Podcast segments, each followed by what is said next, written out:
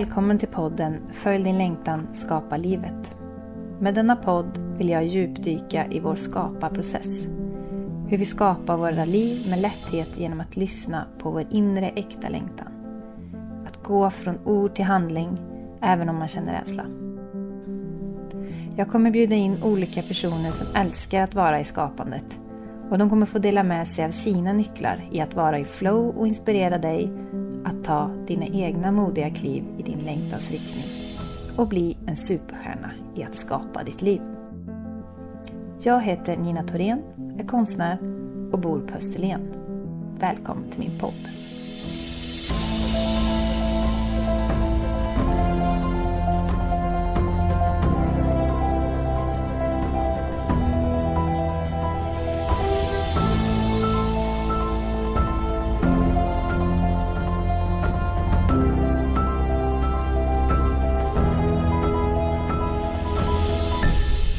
Konstnären Caroline Tam älskar att lyfta sitt Stockholm och att våga välja glädje i sitt konstnärskap. Hon drivs av att utmana sina gränser i sitt skapande. Caroline besitter kraften att vara varm, sårbar och ödmjuk. Hur balanserar vi vår intro och extroverta sida? Går det någonsin att vara i balans som kreativ person när ingenting riktigt kan vara lagom? Det och mycket annat får du nu ta del av. Välkommen Caroline till Följ din längtan, skapa livet. Tack snälla. Hur mår du idag? Jag mår bra idag tycker jag.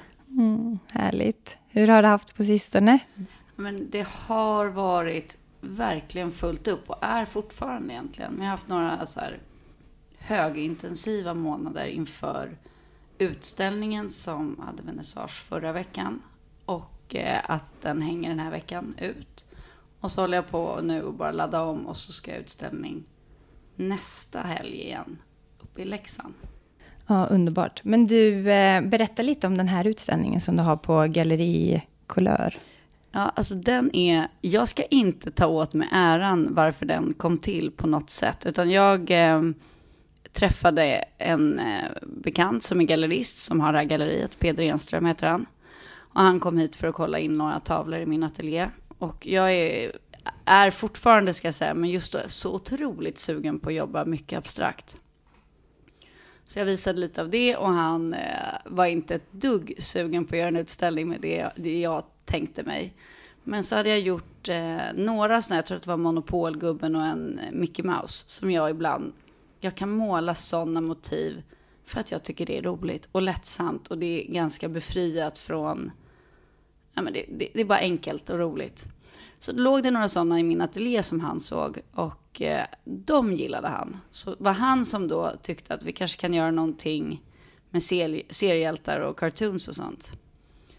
Eh, och jag tycker just nu, jag har målat så väldigt fritt ett tag, att det är väldigt roligt att få ett styrt uppdrag. För det är ju lite, det kräver ju mer eller annorlunda, inte mer ska jag säga, men det kräver ju liksom viss eftertänksamhet och utveckling av en. Så då hakade jag på det och så kom jag på sen att jag ville lägga in miljöerna runt där jag tycker om att vara här på, i Stockholm och just Östermalm är väl där jag mest är. Mm. Så därav kom, så det är verkligen hans förtjänst att det blev just det här temat. Mm, att du fortsatte och eh, jobba vidare med ja, det liksom. det är det. Ja, och det, jag var ju precis och tittade på den här jättefina utställningen. Och det är ju ganska, det är väldigt varierad storlek. Vad är den, den största, största tavlan? Ja, den kanske är två och en halv meter ungefär bred och 150. Ja. Och de, den minsta är ju kanske 30 gånger 15. Det är, ja, det är jättemycket olika storlekar. Ja, men det måste varit väldigt härligt också. Eller vad, vad, vad, är liksom, vart, vart gillar du mest att jobba? Vilket format är ditt optimala format? Ja, det är de stora. Jag ja. älskar att jobba alldeles för stort för att det ska vara lätt att ha hemma. För någon. Ja, verkligen. Nej, men jag tycker det är otroligt roligt att jobba stort. Mm. Och jag har hittat nya tekniker nu. Det gjorde jag nu den här utställningen. Att jag har målat mycket på duk. Annars har jag målat på pannåer uppspänt. Men den här gången så målade jag på duk som jag både klistrade upp med tejp eller silvertejpade upp på väggen. För att få en viss effekt när det är på den. Och sen kunde man direkt slita ner det på golvet och, och jobba på andra sätt. Och det passar mig enormt bra just mm. när man målar på, på stort. Ja, samma här. Jag älskar att måla på golvet. Alltså Ja, det det är är, så som skönt. att man kan, man kan gå runt, man kan trampa på tavlan, man kan liksom vara, man kan sätta sig på tavlan, man kan vara liksom in i tavlan. Älskar det också. Ja. Och gärna, gärna flera. Jag jobbar minst fem samtidigt. Ja. Det är, men så att man kan hoppa runt. Ja, beroende på vart man känner vilket sinneslag man är just då. Verkligen. Och du, den här utställningen heter ju då What's your superpower? Ja. Berätta lite mer om det. Det är också, jag, bara, jag ger ifrån mig all cred där. Just det namnet kom till av att jag har en eh, kund som har köpt ganska många tavlor av mig och som var uppe med en tavla som hon ville ha en specifik text på. Hon ville ha What's your superpower? I'm a woman på den. Och så bara kände jag att den är helt klockren för den här utställningen. För den är också, eh, det är en extremt lättsam utställning. Det är inte, jag skulle inte säga att det är mycket djup i den, utan det är faktiskt bara ett glatt tillskott i eh, en värld som just nu har varit det är kriser och det är pandemi. Det, det är så mycket som händer så jag tyckte det var skönt att göra något befriat från att det ska vara så enormt mycket tyngd och behöver jag inte alltid ha heller så att jag ska inte, jag ska inte säga att jag gör så. Men med just det här What's your superpower, det är, man blir lite eftertänksam för jag började ifrågasätta vad, min, vad är min superkraft och alla har ju någonting så om man vill kalla det för superkraft eller inte. Så det tycker du- jag är en rolig idé. Nej men att det här I'm a woman, det var ju då min kunds eh, svar. Och den tycker jag passar väl i stort sett alla kvinnor, det måste jag ju ändå säga.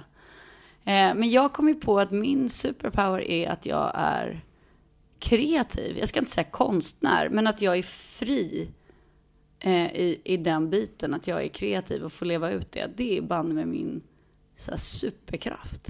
För där hämtar jag så mycket, eh, både tömmer ur mig i känslor och, och hämtar mycket energi och så. Så det kommer jag fram till, att det är min superkraft.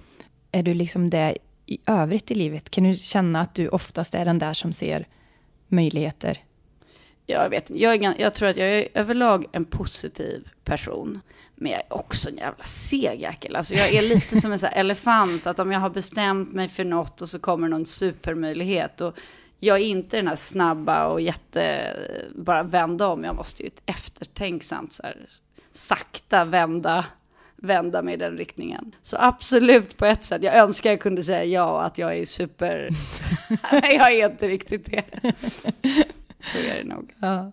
Jag kan ju säkert tänka mig att du har någon mer superkraft om du liksom verkligen Ja, öppnar upp här nu. Jo, men superkrafter, vad är det egentligen? Ja, men det skulle väl vara att jag har en genuint, tror jag, positiv inställning till livet och ganska, jag är, eller ganska, jag är verkligen genuint tacksam för människor som jag har runt mig. Jag känner det tydligt hur tacksam jag är över saker och ting som händer en i livet. Att man har möjlighet att måla och jag tar inte riktigt det för givet. Så det är väl en superkraft. Äh, så jävla Jo, men- över pretentiöst ord att säga att det är superkraft. Jo, men väl- eh, jag tycker att det är jättefint. Alltså, för det är väl någonting som många halkar bort ifrån. Och så kanske man bitvis hamnar där. Men det är ju ändå en superkraft att hålla fast vid det. Ja, och det är, inte, Absolut. det är ju kanske inte dagligen, men det är, överlag så är, Ja. känner jag verkligen genuint så. Ja. Men du, det var lite intressant eh, där du kom in på just det här att du ville lyfta lite det här mer glada, härliga. Det har varit lite tunga tider, som sagt var. Folk har Ja. liksom inte vågat leva ut. Och det tyckte jag kändes i tavlorna. Just det här, det här den här glädjen och att- att ja, men gå på krogar och vara sig själv och bara breda ut sig och ha, vara lycklig och glad. Och, eh, det fick jag en känsla av. Ja, vad- jag blir glad att du känner det, för det var verkligen dagen innan, eh, när vi hade hängt upp utställningen dagen innan vernissage, så kände jag att det var verkligen min önskan att de som kommer dit ska i alla fall, oavsett om man tycker, man behöver inte gilla dem eller tycker man behöver inte vilja köpa, det är inte det. Men man ska känna sig glad, man ska tycka att det är lite igenkänning, det är ju ändå, även om man inte är från Stockholm så är det ju vissa byggnader som är väldigt kända. Så att man får någon så här ihopkoppling. Men du, för de som inte då har eh, haft lyckan att kunna se dina tavlor här nu, kan du beskriva lite ditt formspråk och uttryckssätt och vad du jobbar med för material och Ja. färgskalan? Och jag, där har jag verkligen olika delar skulle jag säga. Just den här utställningen är inte riktigt eh, mitt signum överlag. Sen kan man kanske ha igenkänning i, i just så stilen och så. Men eh, jag jobbar främst med akryl. Och jag är inte skolad. Jag har gått ett års sån här, eh, Folkuniversitetets stora konstutbildning eller vad den heter, ett år och lite andra kurser. Men jag är ingen finskolad. Så jag provar mig fram väldigt mycket. Jag tror att jag hade målat annorlunda om jag hade haft en annan grund i utbildning. Så att jag har väl inga regler. Jag kan ibland lägga in pastellkritor med akryl, gärna slagmetaller. Så jag blandar fritt. Men akryl är absolut det jag eh, föredrar. Olja är jag relativt usel på. Jag tycker det tar alldeles för lång tid. Och sen gör jag skulpturer. Där har mitt signum blivit framförallt det är som kvinnotorsos. Där det växer ut horn, djurhorn på ryggen. Men de växer ut som vingar. De första jag gjorde så har jag gjort, så har jag gjort originalet en torso. Och sen så är det då riktigt djurhorn. Av allt jag gör i konsten så har de alltid betytt mest och gör fortfarande. För de representerar mycket. Jag, egentligen tycker jag inte att de är så här dunderroliga att göra. Jag tycker det är kul att planera dem och sen är de som talismaner. De betyder så mycket. De är både spirituella och det är mix av djur och människa. Eh, kvinnligt och det här jättemanliga som är i hornen. Det är i stort sett, jag vet renar har, eh, har eh, honorna. Vad heter horn? Men annars är det ju bara hanarna som har horn. Så de för mig betyder mest. Och, och sen, jag jobbar ju med, älskar abstrakt. Jag älskar, jag jobbar mycket serieaktigt. När jag målar fasader eller människor eller så, så är det nästan alltid som en, med en att det är liksom en svart linje runt. Så jag har väl ett tydligt uttryck, och det är nog bara för att jag lärde mig genom att härma. Och gör fortfarande, ska jag säga. Mm. Ja, men man lär sig ju jättemycket. Eh, genom att bara titta ja. och betrakta. Alltså det är väl det här seendet Precis. Som vi konstnärer, det kan man ju säga, det är ju en superkraft. Det är ja, ett, visst, ett visst seende som man vill lyfta upp. Ja, det är det. Mm. Så det är alltid olika. Ibland vill man ha något budskap ut ur det. Och ibland är det bara att man tycker det är en känsla i färg och form som faktiskt inte är djupare än att det just är någonting i den, eh, det man vill få ut. Man kan ju nästan säga de här skulpturerna kan ju nästan vara då kanske den här kärnan som du vill förmedla kanske. Nej, jag vet, vet du vad, om jag ska vara ärlig så vet jag inte om det är just för, det är min, de står kanske lite för min livstro, min livsfilosofi. Och därför ligger de mig så varmt om hjärtat. Jag tror att det är det. Att jag tror på energier, hur man skickar ut och djur och natur och det kvinnliga och manliga och liksom utan värderingar. Jag tror på eh, att det finns massor som vi inte ser. För mig är det det mest eh, troliga. Men jag är öppen för att det är en tro. Det är, tro som, det är ingen av oss som vet, ingen alls. Så jag är helt öppen för att jag kan ha fel. Men jag tror att det finns betydligt mer än det vi är här och nu och upplever. Och det står de för. Ja, det är det som du vill förmedla kanske just det är med de, dem. Absolut. Och, och ibland i vissa tavlor. Och, ja, mm. en, och som i den här utställningen så är det ju den här att våga välja glädje kanske. Ja, verkligen. Ah. Och bara våga och inte bry sig så mycket. Att det behöver liksom inte vara... Någonstans, alla så här Musse Pigg och de, de är ju glada. Han är ju en, han är ju witty liksom. Han är ju kvick och lite, han kommer undan med det mesta. Han är ändå minst av, han är en mus. Jag, jag, kan tycka att han är den äldsta seriefiguren som, som, det finns ju garanterat äldre, men som är den här superkända. Han var Walt Disneys eh, favorit. Han är snart hundra år gammal och man älskar honom fortfarande. Det finns ju något glädjefullt i dem, något lättsamt, något...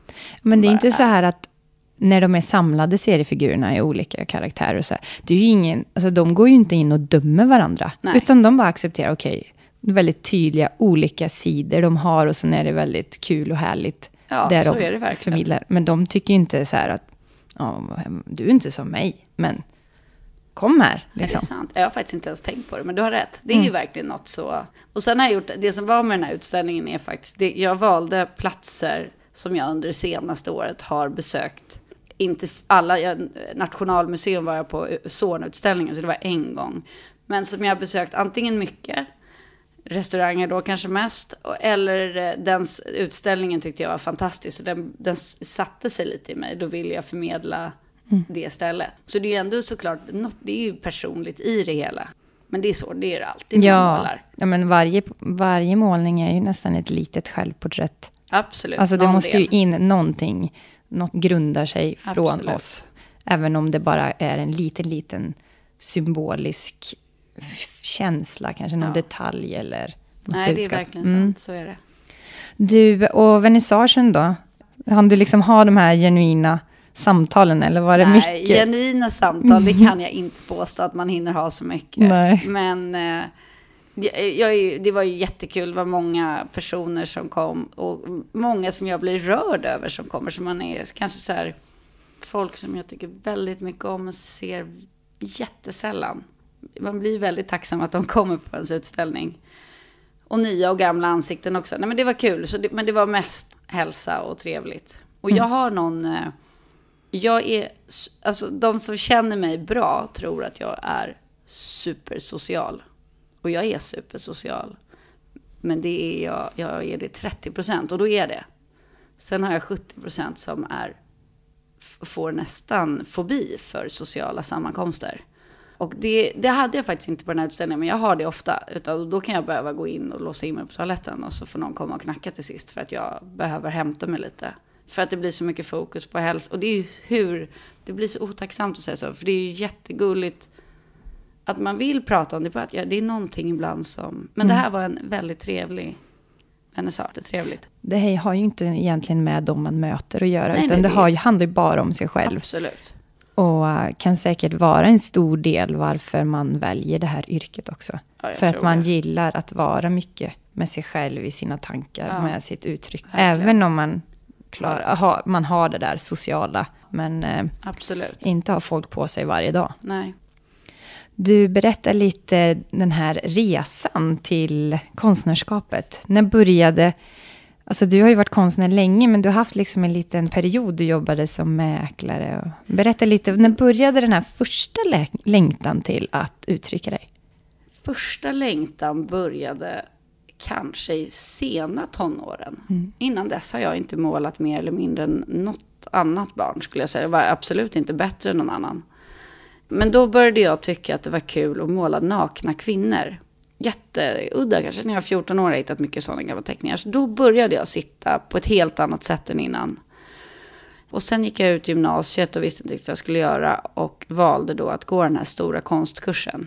Och där någonstans väcktes det. Det, hade såklart, jag, det är självklart att jag ville måla och gjorde det innan eftersom jag valde att göra det ett år. Men, men där tog det fart att jag verkligen tyckte att det var kul. Men det här var fortfarande bara en parentes hela tiden.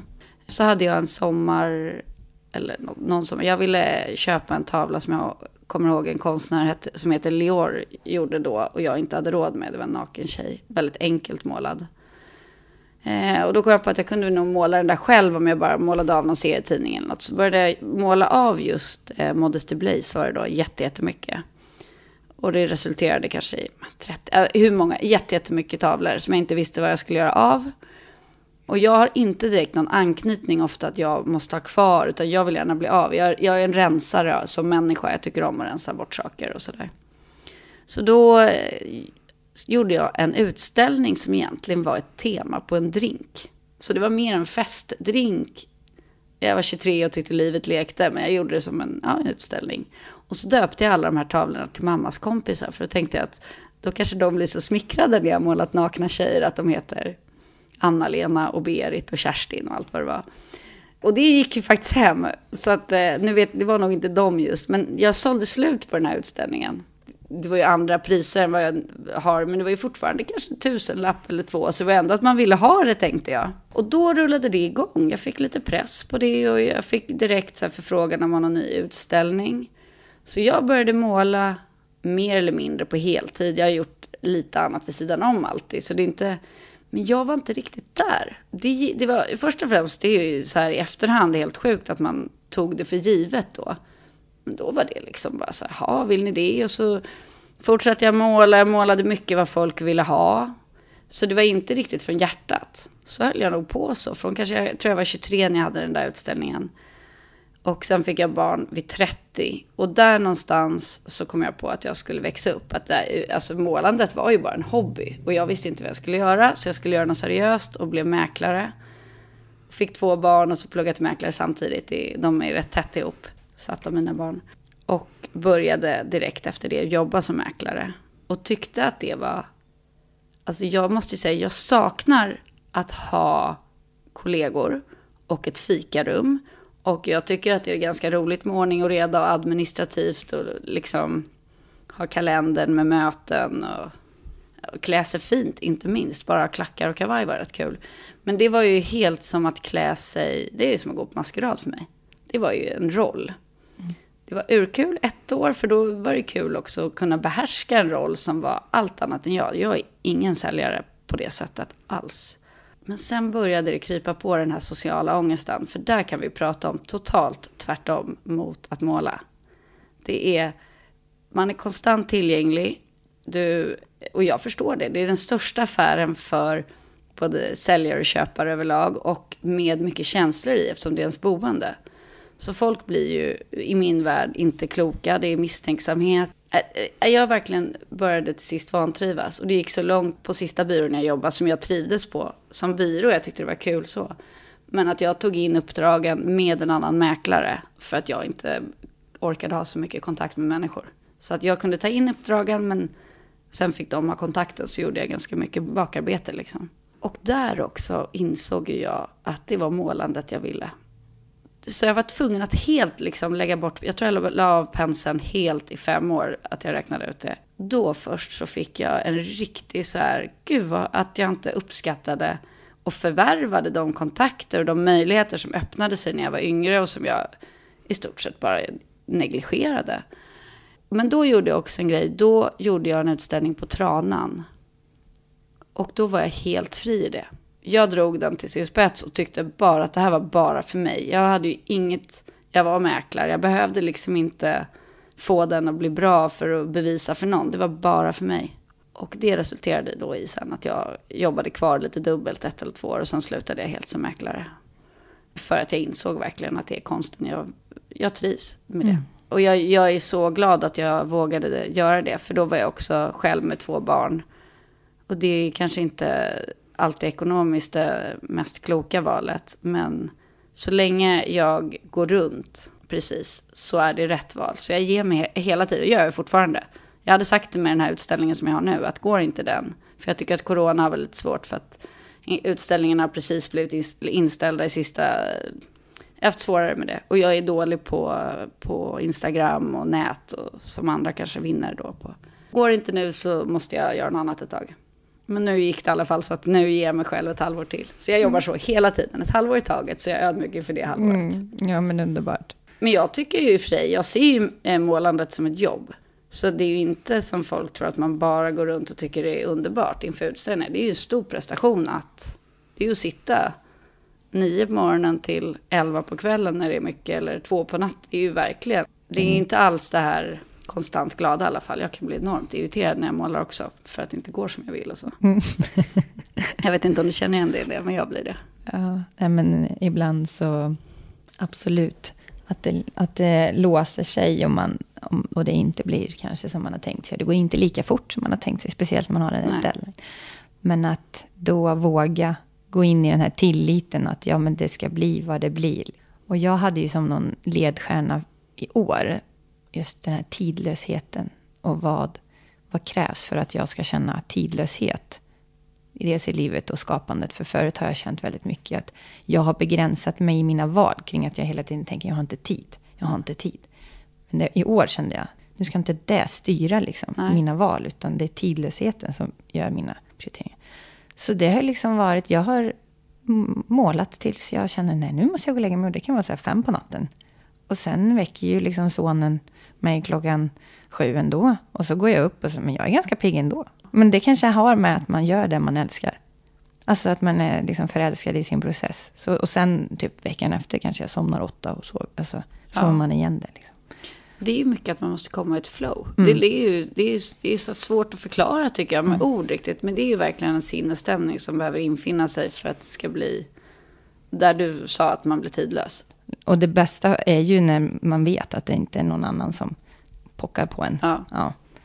Att man har någon annan tid att passa, typ, eller sådär.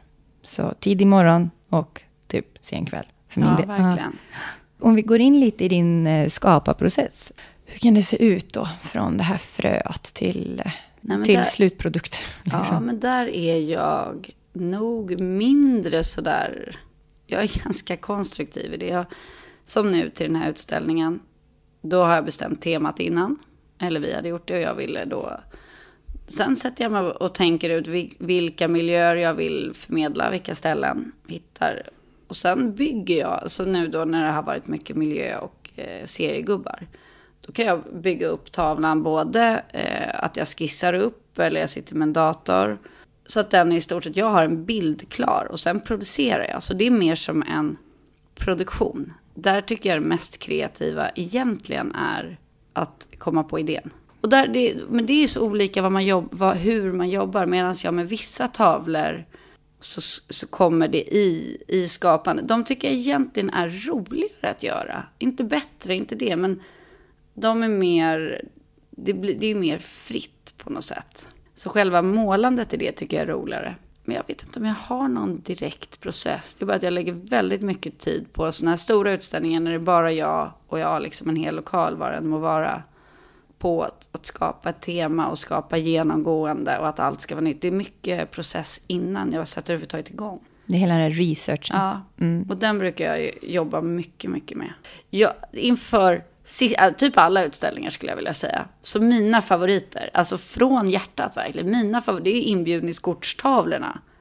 De säljs inte. Och jag vet inte om det går. Och jag, det är inte så här, jag vill inte ha dem nödvändigtvis.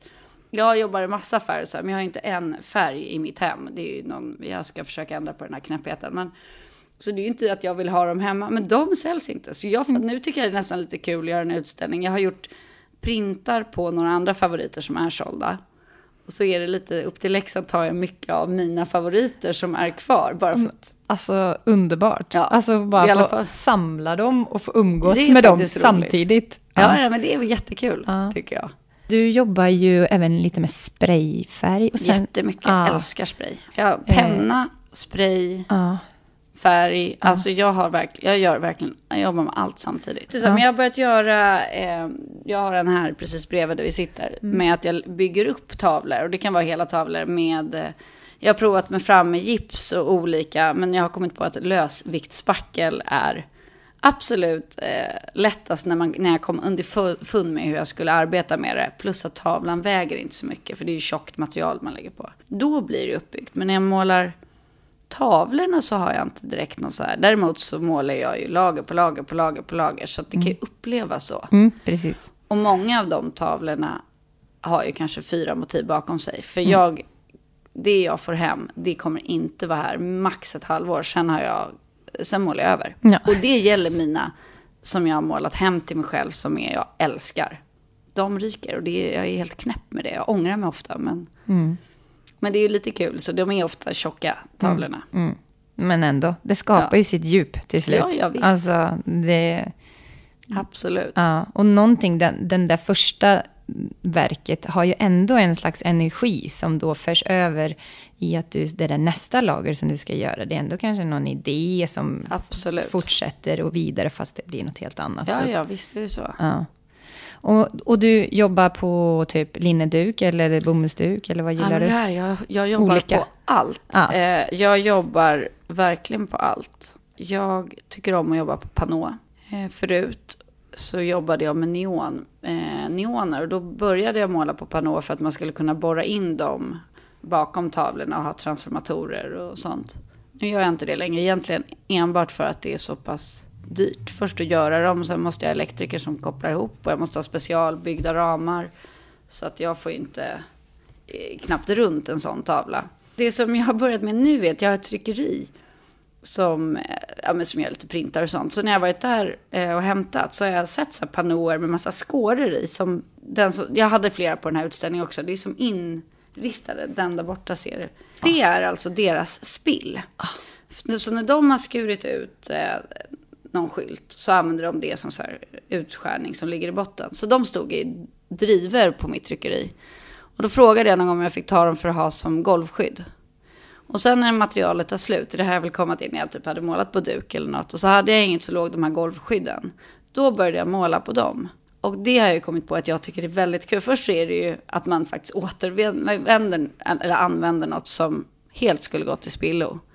Men också att det blir något annat när man bara råkar ta något. Såklart om jag ska måla en fin byggnad behöver jag en, en planduk. För det är mycket lättare. Men när, när det är livfullt och det liksom får, får ta ett, e, ha ett eget liv. Då är det väldigt roligt tycker jag. Att, det är, mm. att man tar lite vad man har. Att min favorit, för jag har gjort en sport i den här gången. Att jag inte får köpa mer färg. För jag har, jag har så mycket färg så att det är helt sjukt. Så jag bara tänkte att jag måste använda upp. Och se vad som händer med tavlorna. Och det är också ganska roligt. Det är som att man så här tvingar sig ut från sina vanor när man gör så. Så jag har inget, tyvärr, inget så sätt att eh, dela med mig hur jag gör, utan jag tar vad jag har. Ja, men sättet är väl egentligen att experimentera. Alltså ja, att, att, inte, att våga vara i tillit till att man inte riktigt har koll på läget. Ja, alltså, absolut. Och se vad det blir. Det är ju att ha tillit till Nej. processen verkligen. Mycket blir fel. Alltså herregud. Det är inte så att jag sitter... Jag, tror, jag skulle säga att varannan tavla blir mm. blir fel liksom när jag målar. Men jag målar inte så mycket finlir alltid, det är det. Men hur kul är det att man ser att en konstnär målar exakt likadant i 20 år? Nej. Alltså, och, och så vill man ju själv inte heller jobba. Alltså det är väl väldigt härligt just det här utmanandet att våga utmana sig. Alltså i jag sin process. Jag tycker det som ah. person. Men sen frågade jag en, eh, en konstnär som är super liksom, stor i Sverige och duktig lite om tips för några år sedan. Så här, det var något, jag har alldeles för mycket respekt för att våga fråga ofta. Och då så sa han till mig att jag är för spretig. Just för att jag så här, vill göra abstrakt och bygga en tavla så vill jag göra cartoons och så vill jag måla nakna tjejer. Jag liksom neon. Att när man tänker på, på stora konstnärer, nu jämför jag inte med dem, men om man gör det rent spontant, då har ju de ofta en väldigt sammanhållet uttryck. Alltså som man verkligen, som har gått igenom hela deras liv, så kan de ha haft perioder i någonting. Och jag kan förstå idén om man nu ska tänka lite strategiskt, att det är bra som konstnär att skapa sig ett väldigt tydligt uttryck och sin egen. Och det är väl det jag ibland tampas med, att jag känner att jag borde göra det, men så får jag så lust att prova något helt nytt. Så det är nog för och nackdel, egentligen finns det inget rätt och fel, jag bara Nej, tog men, till mig av det, det, hans ord. Ja, absolut. Det, det finns ju en viss, sådär, det ska vara igenkänning. Men det kan ju vara igenkänning i, sitt, i sin stil av att, hur man målar. Liksom. Ja, För det vet. kan jag ändå tycka att jag känner. Ja, jo, ja, men det tycker jag också. Men det är ändå, det är lite ibland. Det är ibland måste kompat. man, eh, ibland kan man lyssna på de där goda råden och ibland så måste man gå dit. Sin längtan. Då. Ja. ja, verkligen. Så har du haft något sådär i ditt liv, någon vändpunkt? Men jag tänker, du vet, så här, någonting som hände i ditt liv som gjorde att du tänkte till lite. Att nu, nu, now or never, typ. Eh, nej, mäkleriet gjorde ju att jag kände den här brinnande längtan, att jag verkligen eh, Eh, uppskattade det. Jag fick, alltså jag fick inte bara den tillbaka, jag fick en sån här eh, ödmjukhet med konsten som verkligen blev en uppenbarelse. Men sen har väl jag haft, kan jag känna, att olika personer har kommit in i mitt liv eh, i olika sammanhang som har mig att kunna förverkliga idéer som jag aldrig har trott att jag kunde för att jag har känt att men det här kan ju inte jag. Det kan vara också så här skulptur att jag kände att jag hade en idé om den här torsokvinnan men jag visste inte hur jag skulle göra. Och så kommer det in en person som i mitt liv som säger så men gud jag hjälper dig. Vi, alltså jag har en bandsåg, vi sågar av eh, skallbenet på den här och slipar och så sätter vi, och du vet som har guidat mig i olika idéer och med neoner, det var också en sån grej som kändes oöverstigligt att att man ska anlita så många. Men så fick jag hjälp att göra det.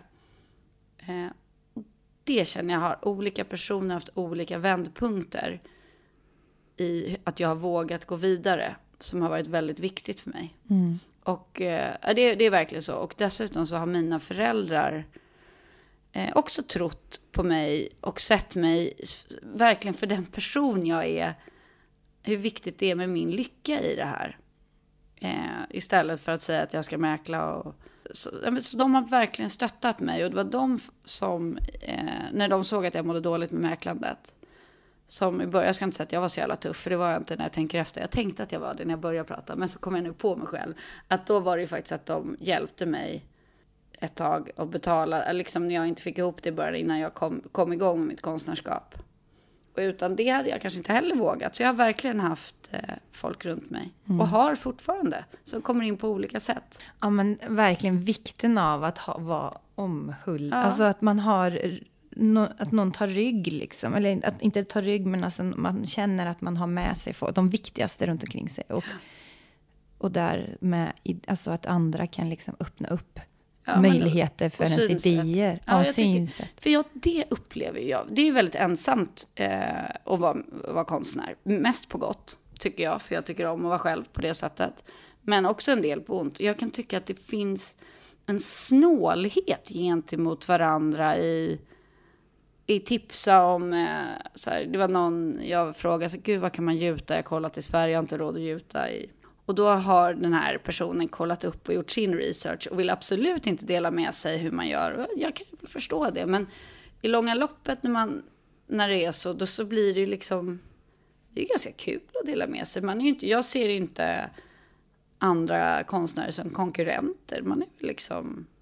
Man är ju i samma bransch, man gör ju olika saker. Alla har ju verkligen sitt uttryck. Ja, det finns plats för alla. Ja, jag tycker det. Så det, det är väl det jag kan tycka är tråkigt med vissa man har kommit stött på. Att det är en viss eh, håller på sin kant för att göra bara egen vinning. Men det var ju nästan, alltså det är mycket det, är mycket det som jag kände också med den här podden. Även om det inte bara kommer att vara konstnärer som jag, så är det ändå väldigt härligt att bara lyfta andra. Alla har någonting att ge och alla har olika perspektiv på saker. Och det kan öppna upp någon nyckel, någon dörr hos någon annan som sen då även då kan vara som en vänd, liten vändpunkt för den personen. Ah, okej. Alltså, jag kan också, kanske, liksom. Jag kan våga här nu.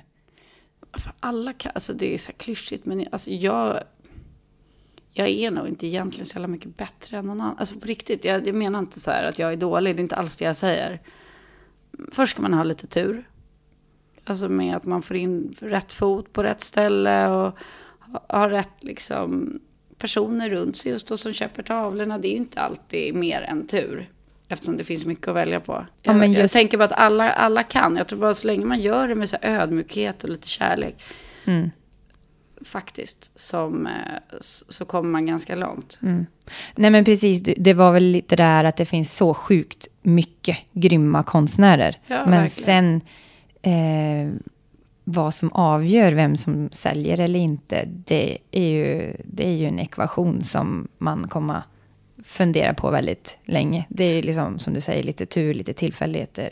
Någon, eh, någon influencer som råkar köpa någon av ens Ja, tavla och sen verkligen. oj och nu så var det poppis. Ungefär som med företag. Alltså vissa företag är poppis med aktier och sen bara så Verkligen.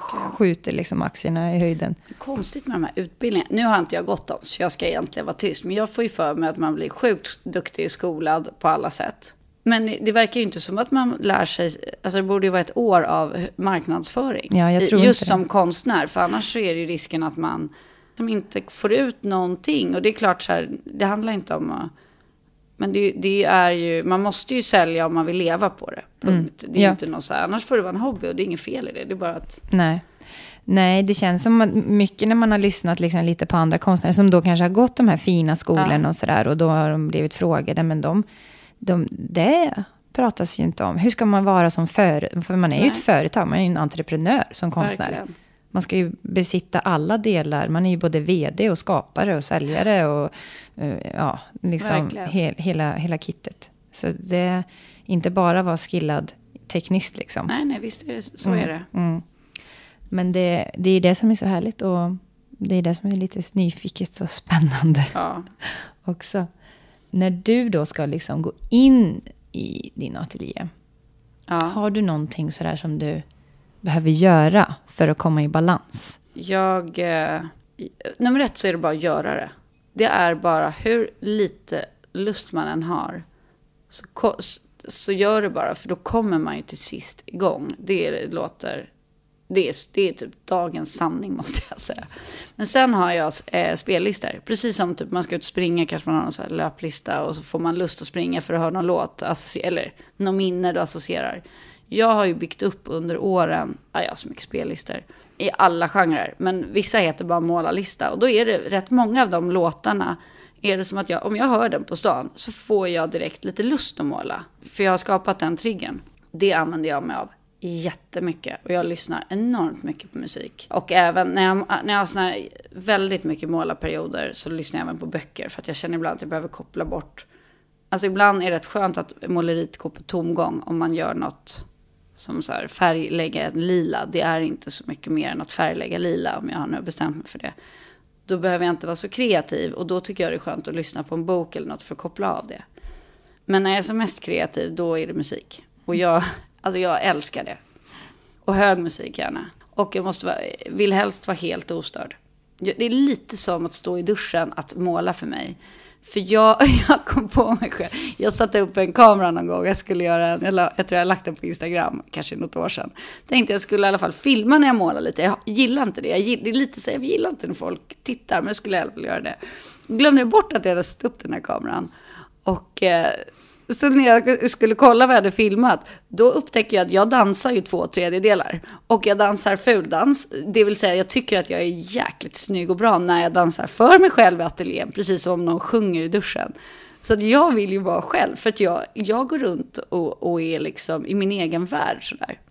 Mm. Jag, jag, vet inte hur andra beter sig, jag antar att men, flera gör säkert så här, eller sitter och sjunger eller något. Men det, det var en väldig uppenbarelse. När jag, när jag, och sen var det roligt att jag råkade upptäcka kameran när jag dansade. Och kände mig påkommen. Ja, det är faktiskt... Fick du med den snutten? Ja, jag fick med påkomna? Nej, nej. Ja, jag fick absolut med den. Och blev så paff så att jag var tvungen att gå och stänga av musiken och gå tillbaka och sen stänga av. Jag blev urstressad. Mm. Så att själv med musik är min, min grej. Sen kan jag tycka att det hjälper, meditation hjälper mig mycket i, mycket, i allt i livet skulle jag säga. Men även att, eh, att meditera innan och kanske så här, eh, tänka ut vad jag skulle vilja liksom ha eh, lägga mitt energiflöde om man ska prata lite så här mer struktur eller be om hjälp eller hur man nu. Eh, och jag tycker att det gör jag är, det är lite som träning för mig. När jag gör det ofta så går det ju jättelätt och smidigt. Men jag gör inte fem dagar i veckan, utan ibland är det tre veckor eller fyra veckor utan och då är det lite haltande. Men när jag, när jag är det, att jag mediterar några dagar i veckan, kort, jag är ingen så här, då tycker jag också att jag har bättre flöde. Och det hjälper mig när jag målar. När du liksom hamnar ibland på de, i de där hindren. Vi kan ju börja med i skapandet. Sen tänkte jag också, det är väldigt intressant att djupdyka lite i den här sociala. Ja. Eh, men när du hamnar i olika mm, hinder och sådär, har du någon, något sätt att ta dig runt? Ja. Mm. Sluta. Mm. Ta en paus. Äh, sluta för dagen. Alltså. Jag vet inte hur många tavlor jag har förstört. För man, det är något så att man känner hur det kommer krypandes och så börjar det gå fel. Och så kanske jag förstör en tavla. Och det jag har gjort i alla år att då börjar jag på nästa för jag tänker att nu ska jag. Och då är jag också lite arg inombords. Och då blir det liksom kaka på kaka att allt går fel. Så att numera, om jag inte är jättetidspressad, då kanske jag liksom kör över mig själv. Så slutar jag. Fördel och nackdel med det här är att du kan ju måla precis när du vill. Så att man kan ju sluta. Men du kanske får sitta väldigt mycket dagen efter. Eh, så det, det är det enda som hjälper för mig. Det är som att jag kommer ur det. Jag vet inte om det är lika för alla, men jag är inte... Nej, men alltså just det där att, ge sig, att bara gå därifrån. Det kan ju räcka nästan att jag går och bara sätt, äh, gör liksom en kopp te och äh, äh, liksom bara sätter på någon annan musik eller lyssnar på, börjar lyssna på någon liten bok och så sätter jag mig ut, utanför huset och lite sol, i solen lite i fem minuter eller någonting. Och sen så kanske jag ska gå förbi ateljén och så tittar jag in lite och så... Ah, mm, ah det, mm, nu, nu ser jag ju. Ja. Så att det är bara distans. Men överlag att låta tavlor vila. Jag tycker ofta mm. att men det kan behövas liksom ja, veckor ibland. Mm. Att man så roterar och kommer på något nytt. Något som man har tyckt är superklart och kanske haft på en utställning känner man sen att man inte alls klar. Nej, att man står där och ser, ja ah, men just det. Det vore ju nice. Ja. Och speciellt kanske beroende på vilken den hänger bredvid. Ja. Då kan man också ibland tycka, oj, ja, den har ju lite mer djup än ja. den. Ja, mm, lite mer kontrast på den. Ja, ja verkligen. Mm. Så är det. Mm. Och du, eh, om vi djupdyker lite i det här med, för det kan jag säkert, det, jag tror det är många som känner igen sig eh, av oss kreativa själar. Ja. Alltså det här med att eh, känna lite ångest över det här för mycket sociala sammanhang och vara den här utåtriktade entreprenören. Vad känner du? Vad har du kommit underfund med? Jag har kommit underfund med att jag inte har det här lagom i mig och förlikat mig med det. Utan att jag är verkligen så, jag älskar att umgås med folk. Ännu viktigare när man är, jobbar som konstnär och kontra att jag jobbade som mäklare eller om man är i andra sociala jobbsammanhang. Men jag har också en så tydlig gräns. Men det värsta är att jag vet inte riktigt innan när det kommer. Det är det som gör det svårt. Där jag känner så här att jag måste bara få gå in och vara för mig själv. Och det är, så, det är viktigt för mig. Och det, det kan vara att, som när man bokar upp för mycket middagar, känns så kul när man bokar upp det. Och sen är det nästan så här panikångest i det. Men jag, är, jag tycker ju om människor. Jag tycker genuint om människor och tycker om de flesta och tycker det är kul. Det, jag, jag kan inte riktigt så här... Det är de här kravfyllda, när man lite får sätta på sig en roll som jag kan tycka är... Mm, det och det, det gör man ju i olika sammanhang. Alltid. Det kan ju vara att man går på sina föräldrars fest och så är det den generation, alltså man, eller mm. bara, bara tar som Absolut, exempel. där man eller... inte riktigt känner eh, de här kontakterna som man kanske stöter på varje, varje dag eller varje Nej. vecka, utan det är helt nya eller någon som man inte har träffat på flera år eller sådär. Så att, och så märker jag att när jag är i eh, sociala sammanhang för mycket eller för länge, och det är inget fel, det här är också bara grejer, jag bara tycker att det är helt okej, men att jag zoomar lite ut i det är som att jag blir lite en bubbla, så går jag in och ut. Jag tror ingen märker det där och då. För jag är nog ganska duktig, duktig socialt. Men jag kan så zooma in och ut lite, typ ta en paus i mitt huvud. Så det är lite en skill som du har tränat, alltså som automatiskt, det är en överlevnads, överlevnadsinstinkt. Ja. Men eh, som det är nu att jobba så här, eller oavsett om jag skulle vara konstnär eller något annat, men att ha ganska mycket eget space och väldigt fritt i hur jag ska lägga tiden. För jag har, jag har dessutom trötta, för jag har, eh, jag har typ reumatism och några sådana här autoimmuna sjukdomar som gör att när jag får skov kan jag ju bli ofantligt trött.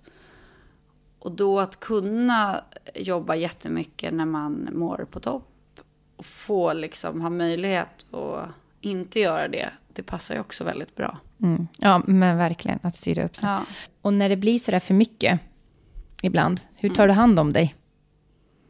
Nej, då är jag trött efter. Ja.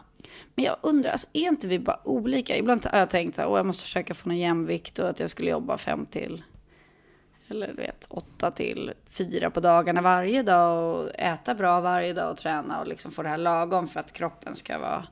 Så bara kommer på att, alltså jag älskar att prokrastinera. Jag liksom skjuter gärna, men jag jobbar också som bäst när jag har kniven mot strupen. Så det kommer aldrig funka för mig att ha den här... Jag, har ju, alltså jag kan ju ha ett år i förväg på en stor utställning, det är inte det, men jag tror att jag har mitt sätt och sen är det inte föredömligt för jag kör mig slut och sen så är jag trött ett tag och sen börjar vi om igen. Och så gnäller jag alltid att det är alldeles för mycket eller så är det för lite. Jag, men, men eh, det är nog bara mitt sätt. Mm. Det är väl bara att acceptera att man är all in ja. ibland. Älskar de här perioderna precis emellan när man lyckas vara inne i något så här, man är i naturen, man mediterar, allt är ganska harmoniskt och man själv känner sig balanserad och varenda motgång kan komma om man liksom tar det med ro. Att det går ju inte att hålla sig där. Jag, tror inte, jag kan inte säga att någon gör det. Det är väl Nej. lite det som är upp och ner. Och... Jag tror att när man, när man är sån där som har typ 10-100 popcorntankar och idéer och kreativa processer, då kan man ju liksom inte hålla igen riktigt. Nej. Det är som att man är så sugen på nästa sak så att man, man kan liksom inte hejda sig riktigt. Nej, verkligen. Så, eh, så är det. Ja. Har du något som styr dina prioriteringar i livet?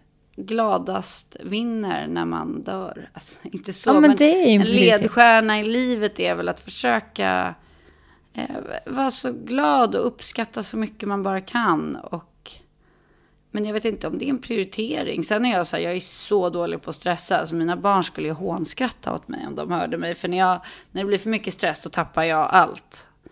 Och är, blir väldigt eh, upprörd för mig själv. Men överlag så tycker jag nog att jag ska försöka vara glad och liksom mm. uppskatta skratta. Det är roligt med olika saker. Det är roligt att vara själv i målarkläder. Det är kul att gå på fin fest och klä upp sig. Och, alltså det absolut viktigaste alltid tycker jag är familjen. Alltså den närmaste familjen. Liksom att även få umgås med liksom, större familj och vänner och så. så kärleksfull miljö och få, få vara den man är. Alltså, mm. för, för de jag har runt mig. Att alla mm. är olika, att man har ganska mycket tolerans där. Det tycker jag är, jag vet inte om det är någon prioritering. Nej, men jag, om jag ska liksom känna in lite på ditt svar där, så är det väl att välja det som känns varmt och glädjefullt. Okej, okay, vad um, ska jag göra det här eller ska jag inte göra det? Typ så. Ja. Mm.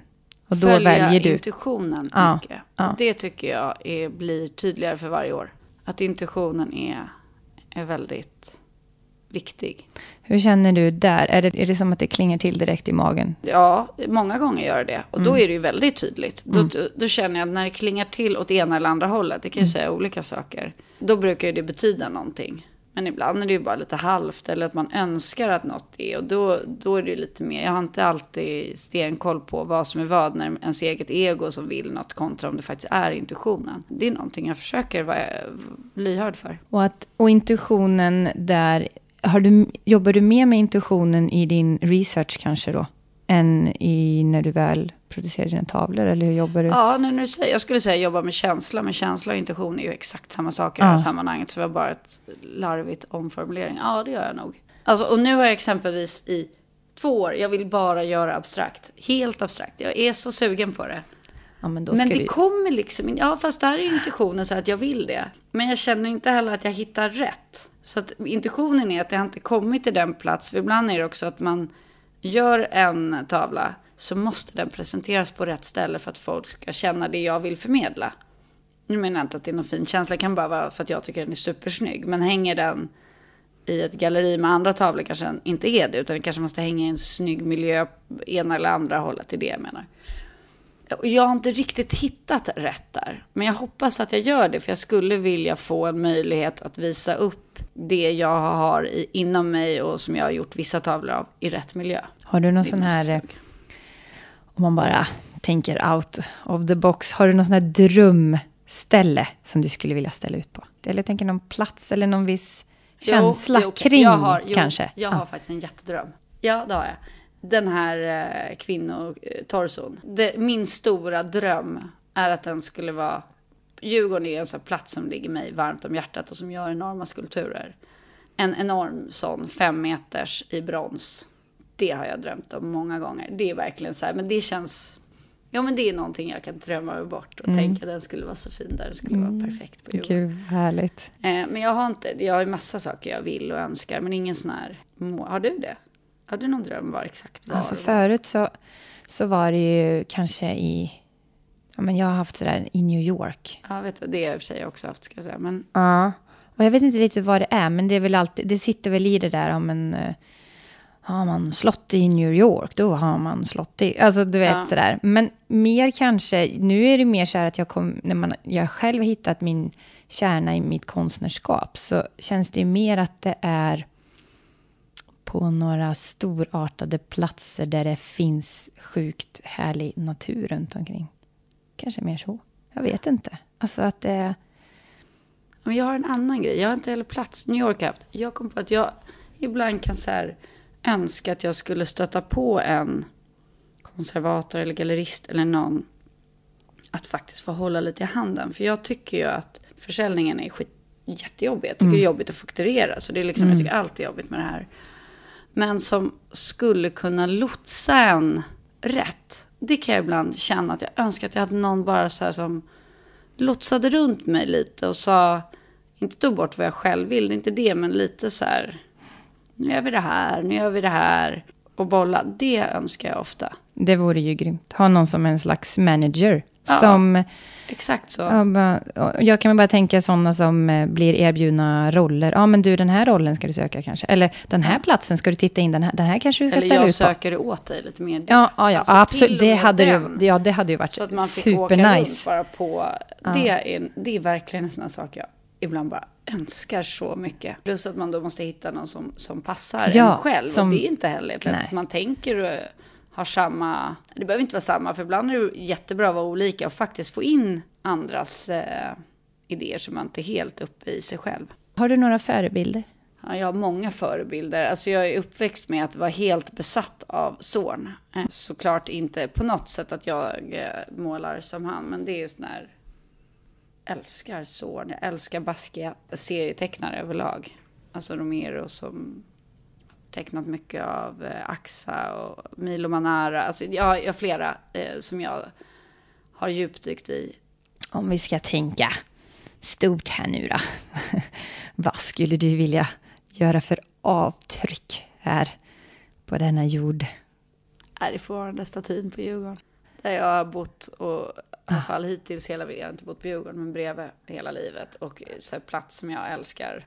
Det, det, är faktiskt verkligen en genuin dröm. Nej men också att det skulle ju vara kul, men det spelar inte heller så stor roll. Men det skulle ju vara kul om folk kan titta på tavlorna, mina barn och barnbarn när de är äldre och så här, titta vad min farmor eller farmors mamma eller något har gjort. Och vågade gå sin egen väg. För det gör jag väl nog ändå ibland, tänker jag. Att jag vågar i alla fall.